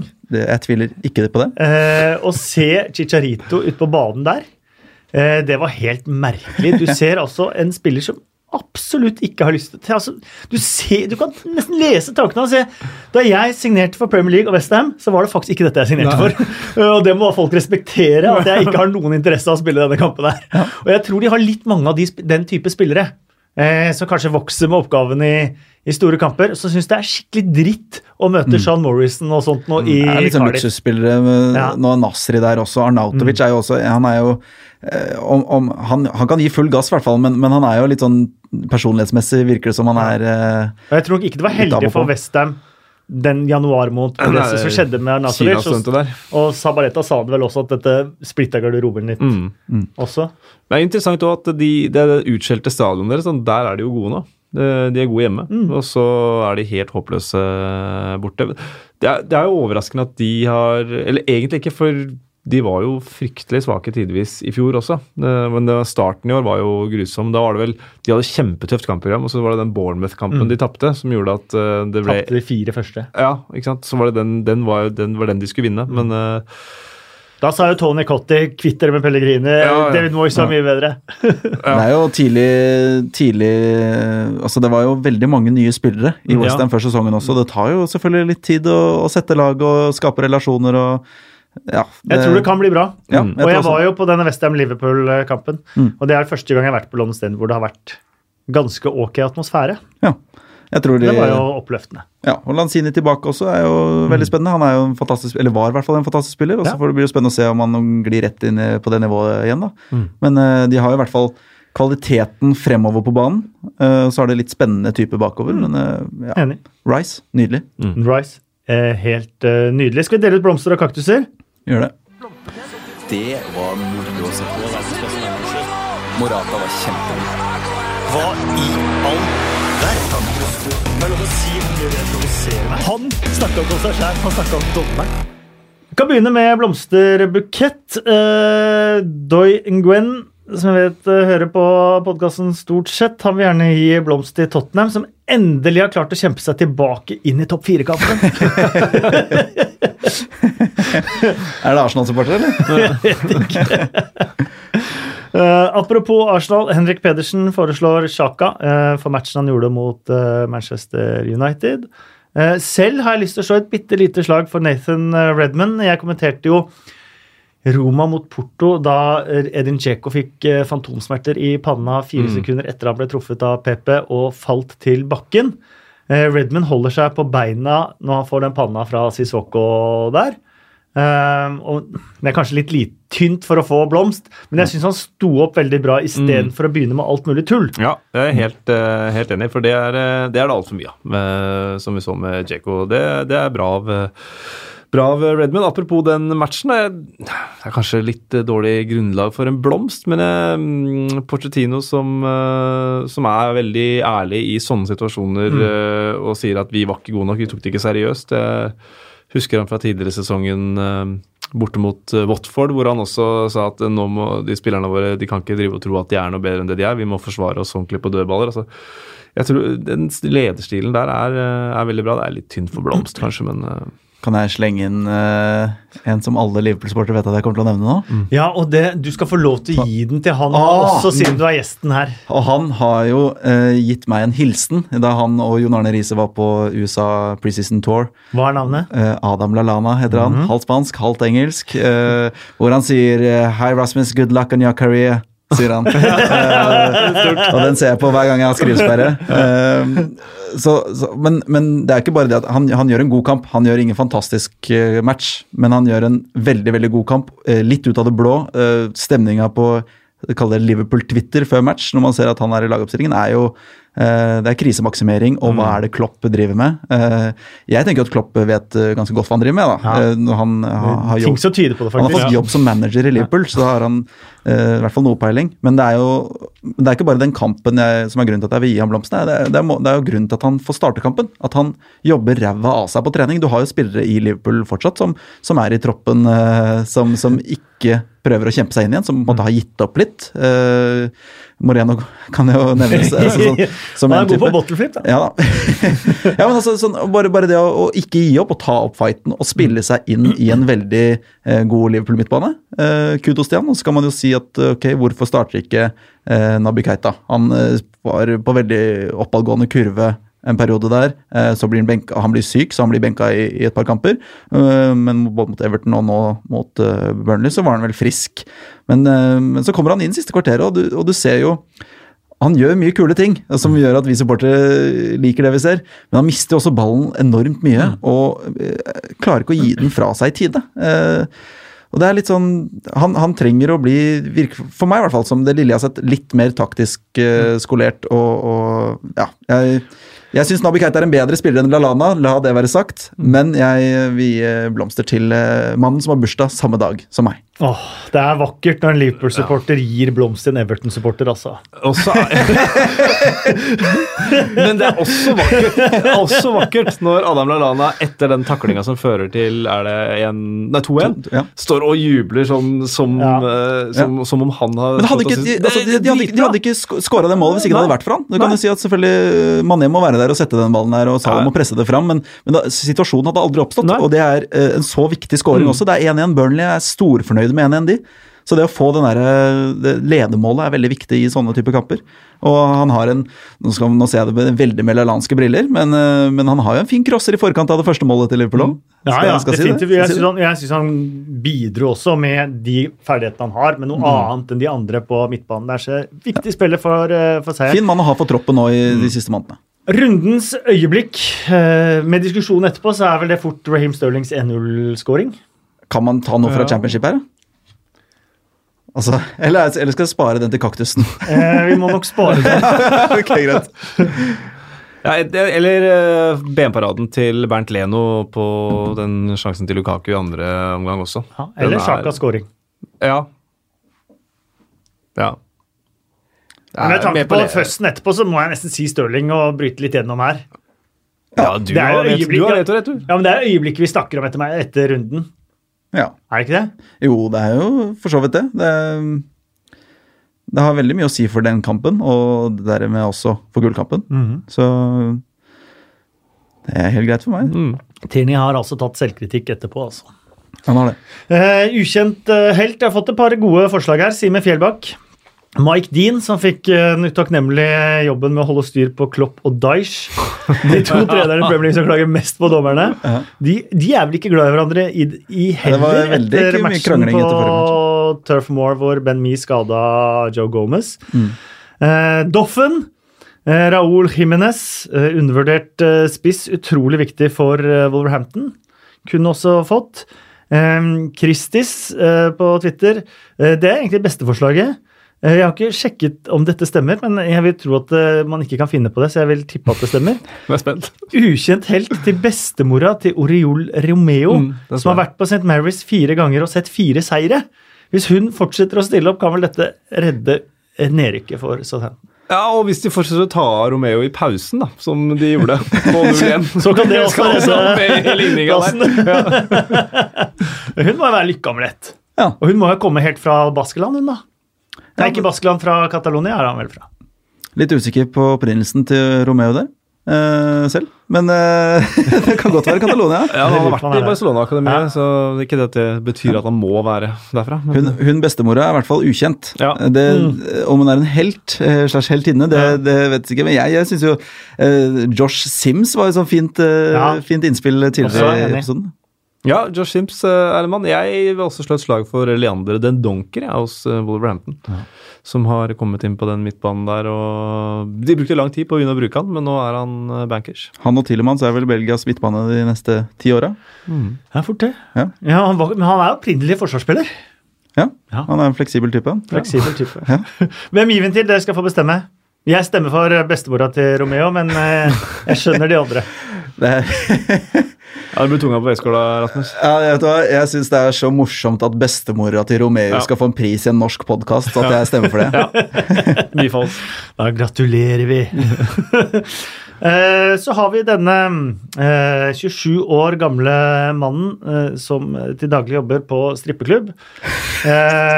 Som dro på kamp på et derby som pleier å være fantastiske derbyer. Second City Derby kalles det, mellom Birmingham og Aston Villa. Og som tenkte Uh, what can I do to liven up this rather dull nil-nil game? ja. uh, og prøvde å smekke snakker Jack eh, ned. Paul Thomas Clay som kommenterte, kalte vel en skam i mangel av at han kunne bruke sterkere uttrykk på TV. Og Det er vel godt beskrevet. Mm. En skam for Birmingham, en skam for engelsk fotball, en skam for seg selv og familien. Ja, han risikerer ganske mye der. Løper ut på Har vel noen barn og er gift og, og, får vel rett og slett en hel fotballverden som nå hater han og har bilde av han og har sett han. Og han, skal vel, han må vel eh, bures inne? Eh, ja, han, han møter i retten i dag. Ja, skal ja. i fengsel. Eh, risikerer å ikke se barna sine på en stund. Risikerer at strippeklubben han jobber på, går dårlig. Ja, det har gått trusler mot, kommet trusler mot strippeklubben. Ja, og det er jo trist ja. når strippeklubber ikke får grønt tall. Ja. Det, selvfølgelig. det blir tung rettssak for forsvarsadvokaten der, altså. Men hva i all verden Nå skjedde også, var det en fyr som tok seg inn på, på Emirates også.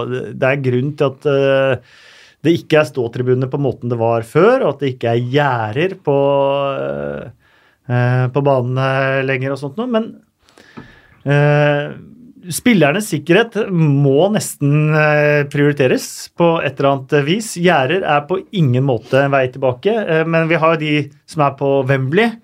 Der er det på en måte sånn netting som går rett ut, så man på en måte må prøve å trampe over de for å komme mm. seg ut. og Det er ikke veldig lett. Eh, men et eller annet må, må gjøres, og, og, jeg kan ikke skjønne hva disse menneskene vil og ønsker å Nei, den, den eh, i Birmingham Derby er jo grusom. Mm. Eh, jeg, kan ikke, jeg, han, jeg kan ikke huske å ha sett noe som er så med overlegg brutalt. Da. Det har jeg, for jeg kommenterte Sheffield Wednesday mot Leeds.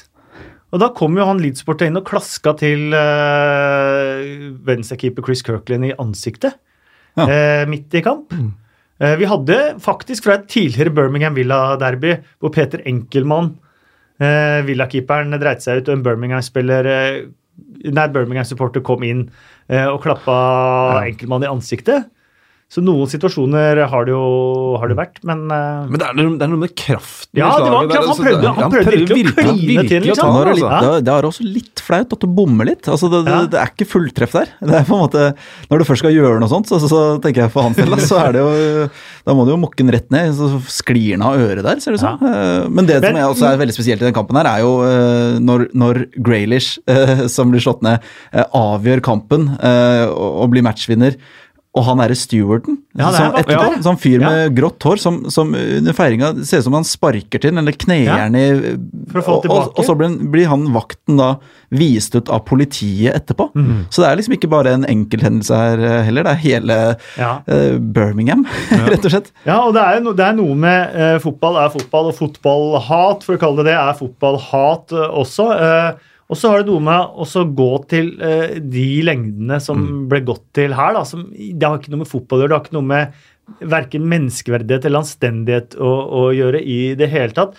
Uh, så også et par uh, tvitringer etterpå som var Det er så sjokkerende at mm. ja, Folk jubla på tribunen og sånn da det skjedde? Ja, ja det, er, det er et eller annet som Det forlater meg på et, et stadium her, da. For jeg kan godt kjenne på alt som heter derbyfølelse, mm. og det der å føle på eh, også både aggresjon og glede og, og alle de tingene der. Men så er det noe som går forbi det, da. Som bare er en helt annen verden som man ikke kan kjenne seg igjen i. Det, det sier så mye om fyren også, at han, han jobber på strippeklubb. Det bare, du Man maler et sånt bilde av han her hvor det bare Og det er 0-0. Det, det, det, er jo åpen match uh, det, på det tidspunktet her også, så det er liksom ikke noe Hadde Graylish uh, scora og jubla rett opp i Birmingham-supporternes uh, altså, Da hadde man kanskje hatt noe et tilskudd for å ja, kunne det, nå, koker det, nå koker det over. Ja. Nå koker det over, nå klarer jeg ikke å holde meg, nå må jeg løpe inn og slå til Graylish. Altså, det hadde vært et eller annet eh, 1 mm. på en mm. måte. Men der er det bare helt umotivert, og, og det sier så mye om altså. For å sitere en kompis av han i avisen i dag Uh, he's loud and not the brightest, but this was totally insane. mm. Men der, det du var inne på med Twitter det er, jeg, Nå er jeg ikke helt sikker på om jeg har 100% riktig, men det var noen som tweeta et bilde av gravstøtte til broren til Jack Raylish. Det stemmer. Uh, han, uh, og sa at det ga han en fryktelig god tilfredsstillelse at ja. uh, broren aldri kom til å leve mer. Oh, fy faen, det er så jævlig oh, Men da blir det jo ja, ble helt, ble, Da blir det jo sletta må bli sletta fra Twitter og, og, og omtrent bli anmeldt, det, altså. Mm. Ja. Jeg tipper han også sitter inne til avhør as we speak. Det håper jeg iallfall. Det er ikke bare bare å være fotballspiller. altså. Nei, det er jo ikke det. Er noe Som, man kan si at de tjener mye penger, og sånn, men det, det, det, vi snakker om nå, er også på en måte en nedside og en risiko av å mm. være så profilert. Ja, og det er derfor jeg også snakker om Sikkerheten til spillere må jo mm. på et eller annet vis eh, tas hensyn, eh, hensyn til. Mm. Eh, samme som sikkerheten til tilskuere også, for den saks skyld, og fans. Mm. Eh, både utenfor stadion og på tribunen. og Sikkerhet er viktig. Folk skal ha det fint på kamp, om de er der med barna sine eller med kompisene sine eller med moren sin. Det, folk skal ha det bra på kamp. Mm. Spennende å se hva, hva, straffen blir her. Ja, den får vi håpe at blir veldig, veldig streng. Mm. Både for uh, twitterer og uh, voldsmann. Mm. Uh, vi må uh, litt uh, lystigere til verks helt på slutten her, for vi må jo høre litt på hva Bill Edgar har å melde. Arsenals syv siste. Aldri skjedd! Første gang siden er den sjette spilleren. Fun factsene til Bill Edgar. Bill Edgar, statistikkmann i uh, The Times. Uh, hver mandag i bilaget The Game så har han noen uh, betraktninger fra det han har sett. vi var inne på det at Liverpool bare tapte én kamp. Mm. de har altså tapt tre ganger færre enn Manchester City. Skulle de ende opp på andreplass med tre tap færre enn ligamesteren, så har det faktisk skjedd før. Ja. 1926-27-sesongen. Ja, ikke sant, det var noe eh, Det ringer en bjelle. Vant Newcastle med elleve tap, mens Huddersfield kom på andreplass med åtte tap. Vant, de vant med elleve tap? De det var 46 kamper, da? var det ikke det? Det var, må ha vært flere kamper. Jeg husker kamper. ikke den sesongen så godt. for jeg var for hvis, de 30, hvis de har 35-0-11, så kan de kanskje ha vunnet en jevn gullkamp der.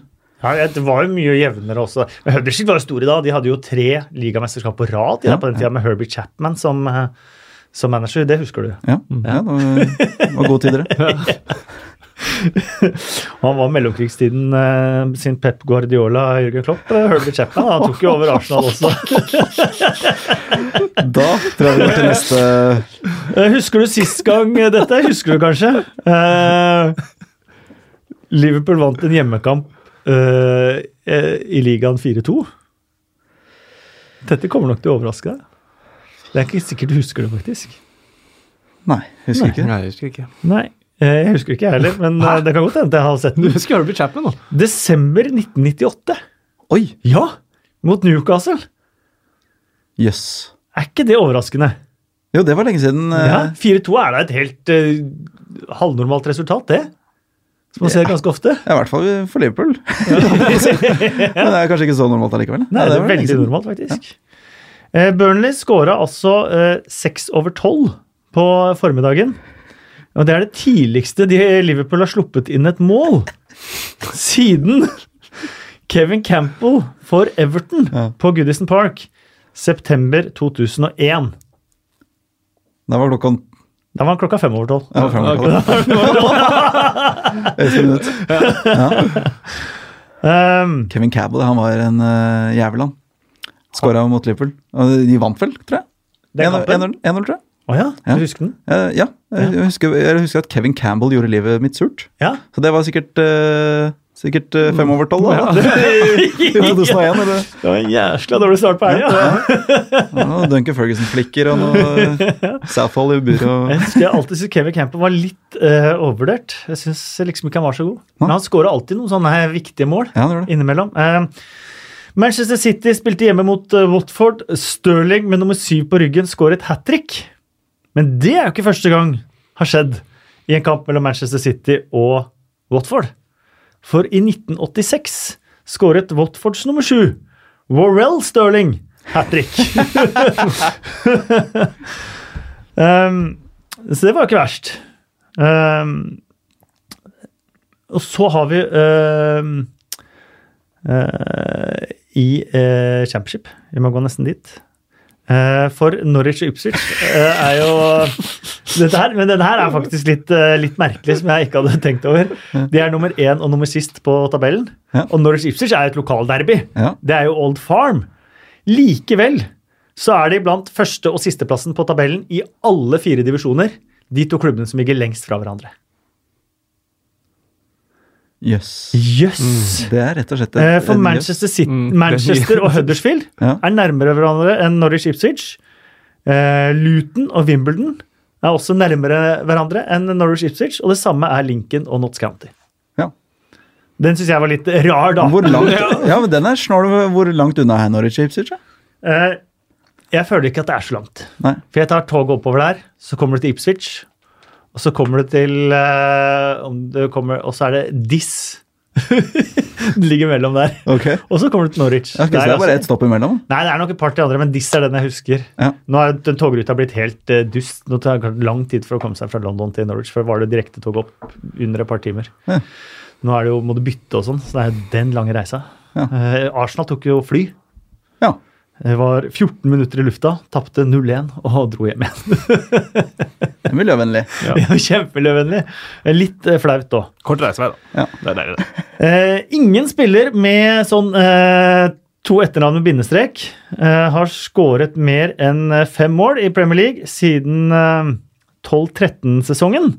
Men i løpet av helga, Dominic Calvert-Lewin og James Ward Prowse kom opp på sitt sjette mål mm. i løpet av uh, denne helgen. Ward Prowse med første til å skåre på en direkte frispark i to kamper på rad siden William i 2015.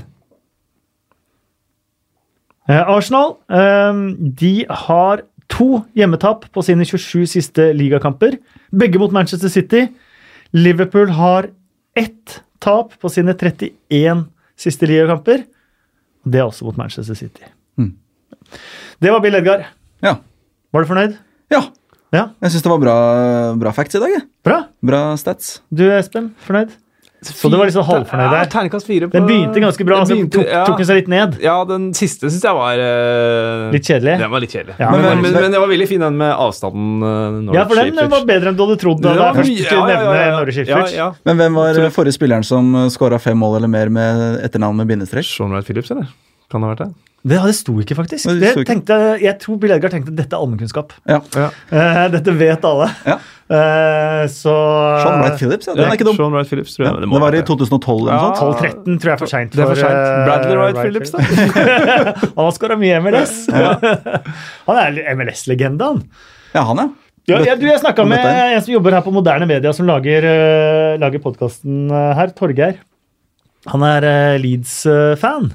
Mm. Uh, så, med tanke på Norwich Ipswich så slo det meg den samtalen vi hadde. for Det er, det er ærlig å være gode trenere og gode managere. og Vi håper jo å få Bielsa uh, opp i Premier League med Leeds, så Torgeir kan bli, kan bli glad. Uh, men Norwich Ipswich Ipswich havna foran Norwich på tabellen forrige sesong. Ja. Norwich har solgt sine tre beste spillere i løpet av sommeren og topper ligaen. Mm. Bielsa tok over Leeds. Han henta én spiller, og han spiller ikke. Nøyaktig samme lag som har drevet og surra rundt nede i championship. Mm. Og nå spiller de altså så vanvittig flott fotball eh, med samme laget. Ja. Eh, man tror kanskje ikke det er mulig, men det er det, og det er veldig godt å se.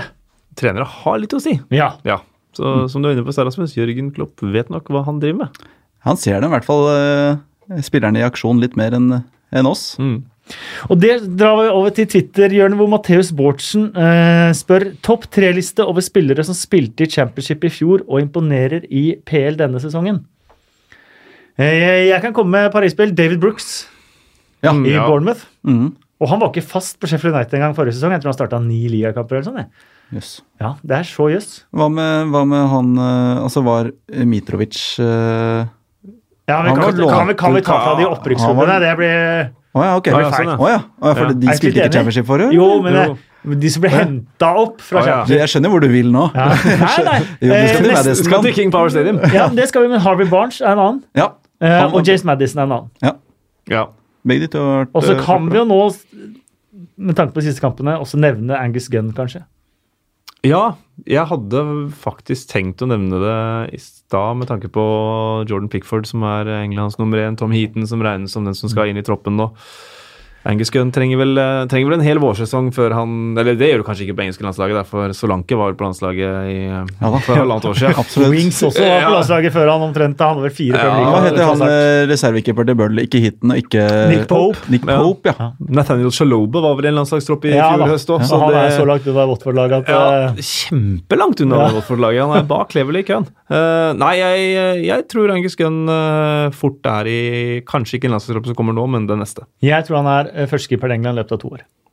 Hvor gammel, gammel er han? 23. 23 han er ikke med i det, da. Og han har vært med hele veien. Det er jo veldig sånn, Erik Thorstvedt har også snakka om det i podkasten. Folk som er med i den rulla, liksom, mm. fra de er unge, de har, ofte, de har man ofte et ekstra øye på, de som sitter og styrer og steller. og Angus Gunn har jo vært landslagsskip for England siden U16, U17, mm. eh, helt opp til U21 osv. Litt samme som Pickford òg. Ja. Eh, fulgte liksom aldersbestemte landslag hele veien eh, opp til, eh, til A-landslag. Jeg tror veien er litt kortere der. Mm. Ja, det er en herlig keepertype. Det er det. Veldig. Faren hans òg. Ja. Fantastisk. Og faren hans er, er sånn ekstremt ivrig fotballfar. Jeg følger han på Instagram. og Han er, han er på ny fotballkamp hver kveld. Ja. Eh, men han er på alle sin sønns kamper. Også hver eneste benk så er det 'Her er St. Mary's!' og wow, wow, wow. lange storyer fra hver eneste gang. Han lever jo drømmen, han da. Ja. Fotballfar. Fulltids. Ja. Ja. Han, var jo, han var jo Skottlands VM-tropp i 1990, pappa. Ja, var det? Ja. Eh, vant jo ligaen med sir Alex Ferguson i Aberdeen. Yes. Ja. Eh, og bodde i Norwich i 26 år. Angus er jo født og oppvokst i Norwich. Ja. Jeg tror jeg aldri har sagt 'jøss' så mange ganger som jeg har gjort det siste timen. Jeg kommer det Espen eh, Hetland, eh, hvor svett ble Kasper da produser filmet cornerflagget tidlig i Liverpool Burnley? Han ikke catcha koblingen producer prøvde å gjøre mellom vinden på stadion og Klopps uttalelse fra uka før. Eh, det er et godt innspill. Men jeg må si at hvis producer vil få fram dette poenget, så må han nesten filme et cornerflagg som ikke henger rett ned. Ja. for da er det vanskelig å gå inn i hans tanke, for det, det, var, det var, ikke flau bris i det cornerflagget engang. Altså. Jeg tenkte kanskje, for Først tenkte jeg nå har de trykka på feil kamera som skal på. Mm. Ja. og så tenkte jeg har de fått nye cornerflagg? Ja. Hadde de det, Rasmus? Om de har fått nye cornerflagg? Ja, det var så veldig rød med veldig ny logo der. tenkte jeg. Har ikke det alltid vært rød? Eller altså de siste åra? Jo, men har det alltid vært logo på? Jeg har aldri lagt merke til deres cornerflagg. Ja. ja, det tror jeg. Mm. Ja. Rett og slett. Ja. skal, med fare for å ta feil ja. angående cornerflagg. Altså. Ja. Det, det, det ville vært en synd. Nei, jeg, jeg, jeg, De eneste som er opptatt. veldig opptatt av cornerflagg, er Blackburn. skjønner du. Ja. De er ekstremt opptatt av cornerflagg. Mm. For de mener at de er det eneste laget som har rett til å ha logoen eh, i cornerflagget.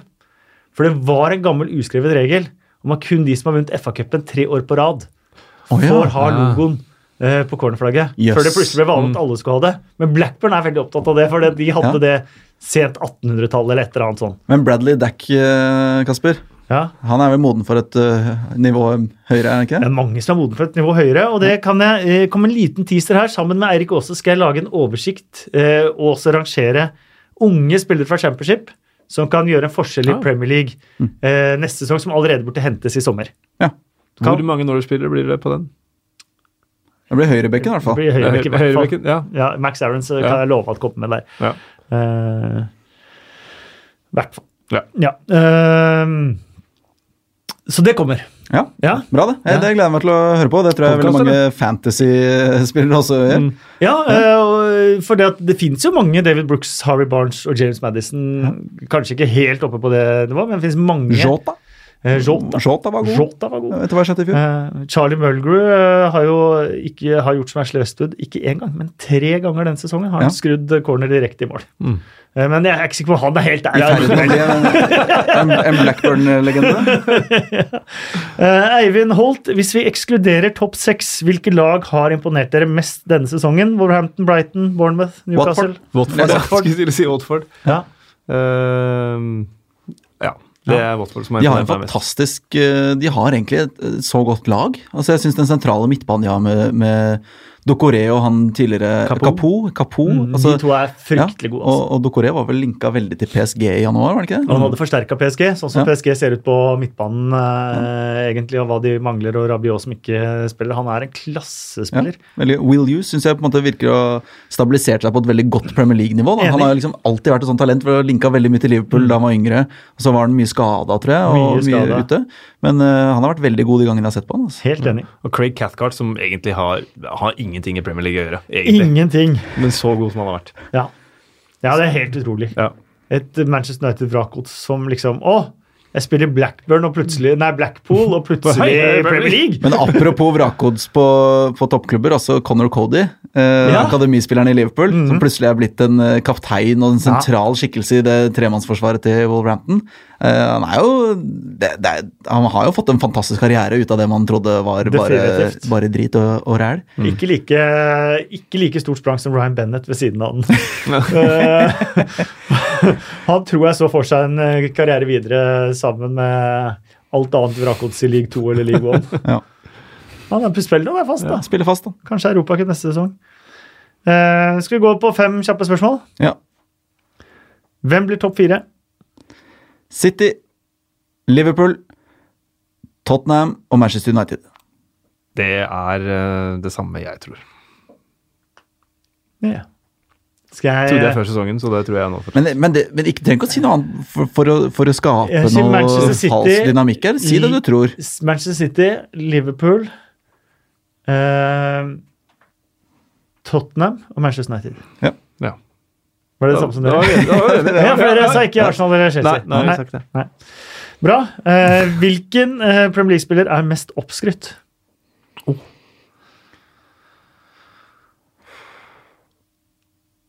Jordan Pickford. Hæ? Jordan Pickford. Ja! Godt innspill! Jeg henger meg på den. Overrasker meg ikke. ja, den her sliter jeg litt med, altså. Du slenger deg, slenger deg på Jeg slenger meg på Jordan på Pickford. Jeg er en opportunist. Prøver å tenke på ja, Kanskje jeg vil si Kyle Walker. Syns ikke han er noe god. Syns ikke Kyle Walker er god? Nei, Nei. Ikke spesielt. Nei. Det er en uh, ærlig sak, det. Hvilke spillere er mest undervurdert? Og Da vil jeg faktisk da, slenge inn Dokoré som vi akkurat snakket ja, om. Ja, han er veldig, veldig god. Uh, han er jo veldig høyt ansett, da, men jeg vil allikevel svare Bernardo Silva. Ja. Jeg syns han er uh, bedre enn det allerede gode ryktet han har. Mm. Det er jo fristende å gå til Watford for meg òg, da. Uh, Jeg har ikke nevnt Cathcart, så, men han er ikke så undervurdert, egentlig. Han er bare Han er ikke vurdert? Nei, han er ikke vurdert. Han bare seiler rundt nedi der. Uh, kanskje, kanskje ut fra altså Ben Foster. At, eh, ja, at han, det er faktisk et meget godt innspill. At han, ikke er Englands nummer én. Han vil vel ikke, han det skjønner jeg. Jo, det er fordi han ikke vil være stereotyper. Nå har vi mange kandidater til Englands nummer én her. Ja. Jo, men Han burde vært det nå de siste to årene. Ja. Og burde vært det de neste to årene. Og så er han fet på Twitter. Ja, det òg. Ja, veldig fet på Twitter. Nei. Ja, jeg går for Ben Foster. Ja, Det syns jeg er et utrolig godt Det synes jeg var veldig gode innspill, alle sammen. Dere tror dere ser mye Premier League og mye gode tanker. og nei, Dette var veldig Ble liksom glad. Slenger inn en Luca Ding som en liten outsider der. Jeg syns han er veldig, veldig, veldig, ja, god. Faktisk, han er imponert ja, denne sesongen. Jeg syns han er eh, for god for Everton. ja, det er ikke Liverpool-hjertet som snakker nå, men det er det, det objektive, analytiske, kalde hjertet mitt som snakker. Hvilket lag har skuffet mest i år? Fulham for meg. Altså. Det, jeg ja, trodde de skulle holde seg, og, og, jeg liker veldig mange av spillerne der. Men uh, nå har ikke jeg sett dem så mye, da, men bakover så, så er det jo ikke uh, veldig mye kanonnavn. da. Men de har jo veldig mange spennende typer som jeg, jeg trodde de skulle ikke havne liksom midt på tabellen, men uh, klare seg på en 15.-16.-plass. Mm. Trodde jeg. Everton har skuffa meg mest. Ja. Everton har ett poeng mindre etter 30 kamper enn det de hadde forrige sesong. Mm. Men det kan godt at det blir utvikling likevel. Oh, ja, ja. Man har lett for å se seg blind på sånne ting. Siste spørsmål. Hvem er Premier Leagues beste dommer? Jeg har null kontroll over dommere. Skal jeg være helt ærlig på. Jeg har ingen eh, Jeg, jeg trodde dette skulle enkelt Michael Oliver? Ja, Michael Oliver. Det er, uh... er det jeg går helt i surr på hvem som er hvem. Jeg kaller alle Kaller alle Mike? Jeg kaller alle Mike, Og så stemmer det i 80% av tilfellene. Jeg, jeg syns jo Mike Dean er den som gir mest til, til publikum, da. Ja. Det er Og han har jo hatt en opptur. Ja. Ja. Har han det? har han ja, altså? Ja, det... Sånn rent uh, kvalitetsmessig som dommer? Eller? Han har jo utrolig god assistentdommer. Han har jo Premier Leagues beste assistentdommer med seg, Darren Cann. Ja, ok. Mm. Ja. ja. Ja, Beste dommer kan vi da si over hele linja, for da er det hun Sean Massey. Hun assistentdommeren. Ja, hun, er, hun, er, hun, hun tar aldri feil, hun. Nei. Det er helt sjukt, faktisk. Hun er den beste ja. av dem alle. Du, Rasmus. Mm. Det var veldig hyggelig å se deg og ha det her. og Veldig hyggelig å få lov til å komme. Stor ære, det er det virkelig. Og veldig hyggelig å bli opplyst om ting jeg ikke visste fra før. Uh, det har blitt mange jøss i dag, som sagt. Det, du har en helt sinnssyk kunnskap om de snåleste ting, Kasper. Havner genseren din på eBay etter hvert? Når den blir umoderne, når den ikke, når den blir umoderne den, på Midtstund? Når, når, Nå skal ikke jeg si Jeg tror ikke jeg kjører så veldig Oslo Vest-stil, men, eh, men, den dagen Norwich og Leeds slår seg sammen av økonomiske årsaker mm. Da havner den på IB. Da havner den på IB. Vi håper det aldri skjer. og Kongsvinger ja. Er du spent på kommende sesongen? Ja, så jeg følger ikke, de, jeg følger ikke dem like tett som jeg følger Liverpool. Men uh, nå har jeg skjønt at de har henta en veldig spennende keeper. Med ja, mange mange kamper uh, bak seg i league A. Så, så, rett fra league A så har han vært litt småskada og spilt litt i Tyrkia, men nå er han rett og slett i Kongsvinger. Og jeg, jeg håper som, han har bodd på små plasser i Frankrike. Ja, det kan godt være. altså. Det, etter hva jeg har skjønt, så er det bare en helt kanonsignering. Uh, og Gyven tar et år til, og da, da trenger ikke jeg mer for å ta turen opp til Hjemslund et par ganger i året. Espen, veldig hyggelig å ha deg her også. Tusen takk. Det var hyggelig å være her. Ja, jeg skjønner at uh, før neste gang så må jeg opp på rommet til guttungen og øve litt på, på PlayStation. Men uh, det, det skal jeg gjøre. Jeg er mest cowboy for tida, så på ja, PlayStation. Nettopp. Kanskje, mm. kanskje, jeg kan overraske ja, neste kanskje, gang. Ja. for deg som hører på, så um, håper jeg at du går inn på iTunes uh, og legger inn en uh, Ikke én, mange stjerner! og en liten uh, kommentar. Ehm, og så er vi jo på Twitter med 2PL-pod. og så håper jeg du har en fantastisk uke. Lykke til i Champions League om laget ditt er der. Lykke til i Championship om laget ditt spiller midtukerunde der. Og lykke til til helga om laget ditt spiller Premier League da. Det gjør du jo ikke. Jo, det er runde. Ja, det er, jo, det er runde, ja. Men det er FA-cup og Premier League mm. til, eh, til, eh, runden som eh, kommer. Så lykke til for absolutt alle å ha en flott uke.